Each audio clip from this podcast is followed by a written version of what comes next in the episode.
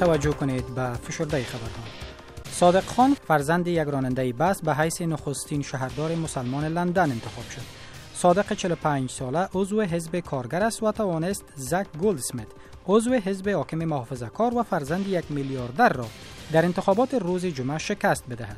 آقای گولدسمیت در طول مبارزات انتخاباتی خان را به یهود ستیزی و داشتن روابط با مسلمانان تندرو متهم می کرد اما با وجود این اتهامات آقای خان توانست میزان محبوبیتش را حفظ کند.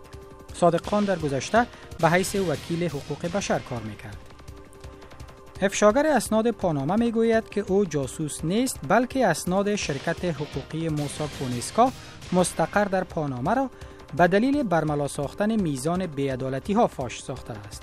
این فرد که با ارسال اعلامیه به یک روزنامه مشهور آلمانی خود را جان دوی معرفی کرده است از سایر افراد چون ادوارد سنودن که اسناد محرم و حساس را در مورد برنامه های جاسوسی ایالات متحده فاش کرد تمجید نموده است. در این اعلامیه که در صفحه اینترنتی روزنامه سویدش زایتک به نشر رسیده است جان دوی در مورد همکاری با نهادهای تنفیذ قانون ابراز آمادگی کرده است. او از کمیسیون اروپایی بریتانیا ایالات متحده و سایر کشورها خواسته است تا افرادی را که معلومات در مورد تخلفهای غیر قابل انکار را فاش می سازند به جای مجازات باید از آنان محافظت کنند. باراک اوباما رئیس جمهوری ایالات متحده مقررات جدیدی را برای مبارزه با فرار از پرداخت مالیات معرفی کرد.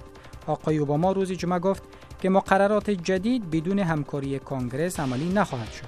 واشنگتن این مقررات را در واکنش به نشر اسناد پاناما پیشنهاد کرده است. اسنادی که فرار از پرداخت مالیات را توسط شرکت های بزرگ تجارتی و اشخاص قدرتمند در سرتاسر سر جهان فاش ساخت.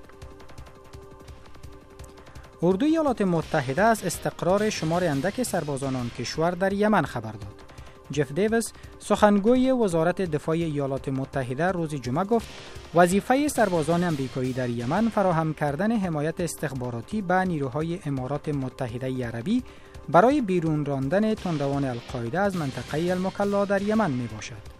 سخنگوی وزارت دفاع امریکا در مورد تعداد سربازان امریکایی در یمن چیزی نگفت اما افزود که شاخه القاعده در شبه جزیره عرب یک تهدید بزرگ امنیتی برای ایالات متحده و متحدین منطقه آن کشور محسوب می شود. حکومت کینیا می گوید که بزودی دو کمپ بزرگ پناهجویان را در آن کشور مزدود خواهد کرد. در این کمپ ها حدود 400 هزار پناهجو زندگی می کند. حکومت کینیا با نشر اعلامیه روز جمعه گفت که بنابر دلایل امنیت ملی تصمیم گرفته شده تا میزبانی از پناهجویان به پایان برسد. بیشترین پناهجویان این دو کمپ بزرگ سومالیایی ها می باشند. پایان خبرها